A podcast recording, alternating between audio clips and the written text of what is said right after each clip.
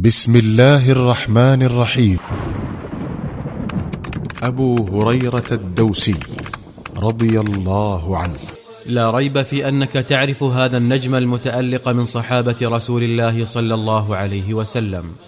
وهل في أمة الإسلام أحد لا يعرف أبا هريرة؟ لقد كان الناس يدعونه في الجاهلية عبد شمس فلما أكرمه الله بالإسلام وشرفه بلقاء النبي عليه الصلاة والسلام. قال له ما اسمك؟ فقال عبد شمس. فقال عليه الصلاة والسلام بل عبد الرحمن. فقال نعم عبد الرحمن بأبي أنت وأمي يا رسول الله. أما تكنيته بأبي هريرة فسببها أنه كانت له في طفولته هرة صغيرة يلعب بها فجعل لداته ينادونه أبا هريرة. وشاع ذلك وذاع حتى غلب على اسمه. فلما اتصلت أسبابه بأسباب رسول الله صلوات الله وسلامه عليه جعل يناديه كثيرا بأبي هر ايناسا له وتحببا. فصار يؤثر أبا هر على أبي هريرة ويقول ناداني بها حبيبي رسول الله والهر ذكر والهريرة أنثى والذكر خير من الأنثى. أسلم أبو هريرة على يد الطفيل بن عمرو الدوسي وظل في أرض قومه دوس إلى ما بعد الهجرة بست سنين حيث وفد مع جموع من قومه على رسول الله صلى الله عليه وسلم بالمدينة. وقد انقطع الفتى الدوسي لخدمة رسول الله صلى الله عليه وسلم وصحبته فاتخذ المسجد مقاما والنبي معلما وإماما إذ لم يكن له في حياة النبي زوج ولا ولد. وإنما كانت له أم عجوز أصرت على الشرك فكان لا يفتأ يدعوها إلى الإسلام اشفاقا عليها وبرا بها فتنفر منه وتصده فيتركها والحزن عليها يفري فؤاده فريا. وفي ذات يوم دعاها إلى الإيمان بالله ورسوله فقالت في النبي عليه الصلاة والسلام قولا أحزنه وأمضه. فمضى إلى رسول الله صلى الله عليه وسلم وهو يبكي. فقال له النبي عليه الصلاة والسلام ما يبكيك يا أبا هريرة؟ فقال إني كنت لا أفتر عن دعوة أمي إلى الإسلام فتأبى علي. وقد دعوتها اليوم فأسمعتني فيك ما أكره. فادعوا الله جل وعز أن يميل قلب أم أبي هريرة للإسلام. فدعا لها النبي صلوات الله وسلامه عليه. قال أبو هريرة فمضيت إلى البيت فإذا الباب قد رد وسمعت خضخضة الماء فلما هممت بالدخول قالت أمي مكانك يا أبا هريرة. ثم لبست ثوبها وقالت أدخل. فدخلت فقالت أشهد أن لا إله إلا الله وأشهد أن محمدا عبده ورسوله.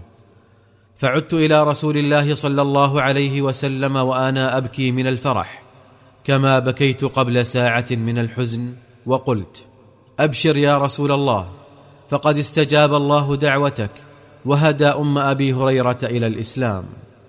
وقد أحب أبو هريرة الرسول صلوات الله وسلامه عليه حبا خالط لحمه ودمه فكان لا يشبع من النظر إليه ويقول ما رأيت شيئا أملح ولا أصبح من رسول الله صلى الله عليه وسلم حتى لكأن الشمس تجري في وجهه. وكان يحمد الله تبارك وتعالى على أن من عليه بصحبة نبيه واتباع دينه فيقول الحمد لله الذي هدى أبا هريرة للإسلام الحمد لله الذي علم أبا هريرة القرآن الحمد لله الذي من على أبي هريرة بصحبة محمد صلى الله عليه وسلم. وكما أولع أبو هريرة برسول الله صلوات الله وسلامه عليه فقد أولع بالعلم وجعله ديدنه وغاية ما يتمناه. حدث زيد بن ثابت قال بينما أنا وأبو هريرة وصاحب لي في المسجد ندعو الله تعالى ونذكره إذ طلع علينا رسول الله صلى الله عليه وسلم وأقبل نحونا حتى جلس بيننا فسكتنا فقال عودوا إلى ما كنتم عليه. فدعوت الله أنا وصاحبي قبل أبي هريرة وجعل الرسول يؤمن على دعائنا. ثم دعا أبو هريرة فقال اللهم إني أسألك ما سألك صاحباي وأسألك علما لا ينسى. فقال عليه الصلاة والسلام آمين. فقلنا ونحن نسأل الله علما لا ينسى. فقال سبقكم بها الغلام الدوسي. وكما أحب أبو هريرة العلم لنفسه فقد أحبه لغيره. ومن ذلك أنه مر ذات يوم بسوق المدينة فهاله انشغال الناس بالدنيا واستغراقهم في البيع والشراء والأخذ والعطاء. فوقف عليهم وقال ما أعجزكم يا أهل المدينة؟ فقالوا وما رأيت من عجزنا يا أبا هريرة. فقال ميراث رسول الله صلى الله عليه وسلم يقسم وأنتم ها هنا ألا تذهبون وتأخذون نصيبكم؟ فقالوا وأين هو يا أبا هريرة؟ قال في المسجد. فخرجوا سراعا ووقف أبو هريرة لهم حتى رجعوا. فلما رأوه قالوا يا أبا هريرة لقد أتينا المسجد فدخلنا فيه فلم نر شيئا يقسم. فقال لهم أوما رأيتم في المسجد أحدا؟ قالوا بلى رأينا قوما يصلون وقوما يقرؤون القرآن وقوما يتذاكرون في الحلال والحرام. فقال ويحكم ذلك ميراث محمد صلى الله عليه وسلم. وقد عانى أبو هريرة بسبب انصرافه للعلم وانقطاعه لمجالس رسول الله ما لم يعانه أحد من الجوع وخشونة العيش. روى عن نفسه قال إنه كان يشتد بي الجوع حتى إني كنت أسأل الرجل من أصحاب رسول الله عن الآية من القرآن وأنا أعلمها كي يصحبني معه إلى بيته فيطعمني.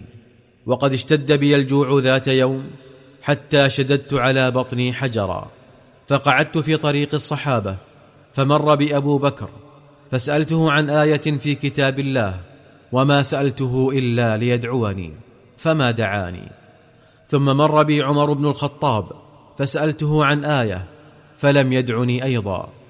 حتى مر بي رسول الله صلى الله عليه وسلم فعرف ما بي من الجوع فقال أبو هريرة قلت لبيك يا رسول الله وتبعته. فدخلت معه البيت فوجد قدحا فيه لبن.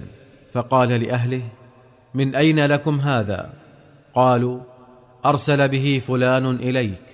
فقال يا أبا هريرة انطلق إلى أهل الصفة فادعهم. فساءني إرساله إياي لدعوتهم وقلت في نفسي ما يفعل هذا اللبن مع أهل الصفة؟ وكنت أرجو أن أنال منه شربة أتقوى بها ثم أذهب إليهم. فأتيت أهل الصفة ودعوتهم فأقبلوا. فلما جلسوا عند رسول الله قال خذ يا أبا هريرة فأعطهم. فجعلت أعطي الرجل فيشرب حتى يروى إلى أن شربوا جميعا. فناولت القدح لرسول الله صلى الله عليه وسلم فرفع رأسه إلي مبتسما وقال بقيت أنا وأنت. قلت صدقت يا رسول الله. قال فاشرب. فشربت. ثم قال اشرب. فشربت. وما زال يقول اشرب. فأشرب حتى قلت والذي بعثك بالحق لا أجد له مساغا. فأخذ الإناء وشرب من الفضلة. لم يمض زمن طويل على ذلك حتى فاضت الخيرات على المسلمين. وتدفقت عليهم غنائم الفتح. فصار لأبي هريرة مال ومنزل ومتاع وزوج وولد. غير أن ذلك كله لم يغير من نفسه الكريمة شيئا ولم ينسه أيامه الخالية. فكثيرا ما كان يقول نشأت يتيما وهاجرت مسكينا وكنت اجيرا لبسرة بنت غزوان بطعام بطني فكنت أخدم القوم إذا نزلوا واحدو لهم إذا ركبوا فزوجنيها الله. فالحمد لله الذي جعل الدين قواما وصير أبا هريرة إماما. وقد ولي أبو هريرة المدينة من قبل معاوية بن أبي سفيان أكثر من مرة. فلم تبدل الولاية من سماحة طبعه وخفة ظله شيئا. فقد مر بأحد طرق المدينة وهو وال عليها وكان يحمل الحطب على ظهره لأهل بيته. فمر بثعلبة بن مالك فقال له أوسع الطريق للأمير يا ابن مالك. فقال له يرحمك الله أما يكفيك هذا المجال كله؟ فقال له أوسع الطريق للأمير وللحزمة التي على ظهره. وقد جمع أبو هريرة إلى وفرة علمه وسماحة نفسه التقى والورع. فكان يصوم النهار ويقوم ثلث الليل. ثم يوقظ زوجته فتقوم ثلثه الثاني ثم توقظ هذه ابنتها فتقوم ثلثه الأخير. فكانت العبادة لا تنقطع في بيته طوال الليل.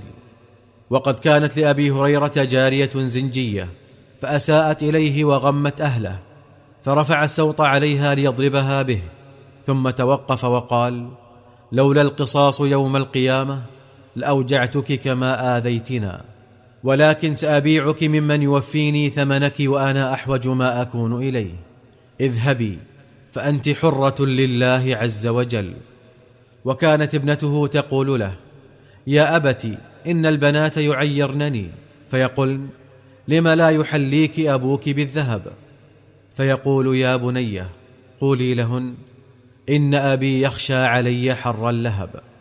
ولم يكن امتناع أبي هريرة عن تحلية ابنته ظنا بالمال أو حرصا عليه إذ كان جوادا سخي اليد في سبيل الله. فقد بعث إليه مروان بن الحكم مائه دينار ذهبا. فلما كان الغد أرسل إليه يقول إن خادمي غلط فأعطاك الدنانير وأنا لم أردك بها وإنما أردت غيرك. فسقط في يد أبي هريرة وقال أخرجتها في سبيل الله. ولم يبت عندي منها دينار فإذا خرج عطائي فخذها منه وإنما فعل ذلك مروان ليختبره فلما تحرى الأمر وجده صحيحا. وقد ظل أبو هريرة ما امتدت به الحياة برا بأمه فكان كلما أراد الخروج من البيت وقف على باب حجرتها وقال السلام عليك يا أمتاه ورحمة الله وبركاته. فتقول وعليك السلام يا بني ورحمة الله وبركاته. فيقول رحمك الله كما ربيتني صغيرا.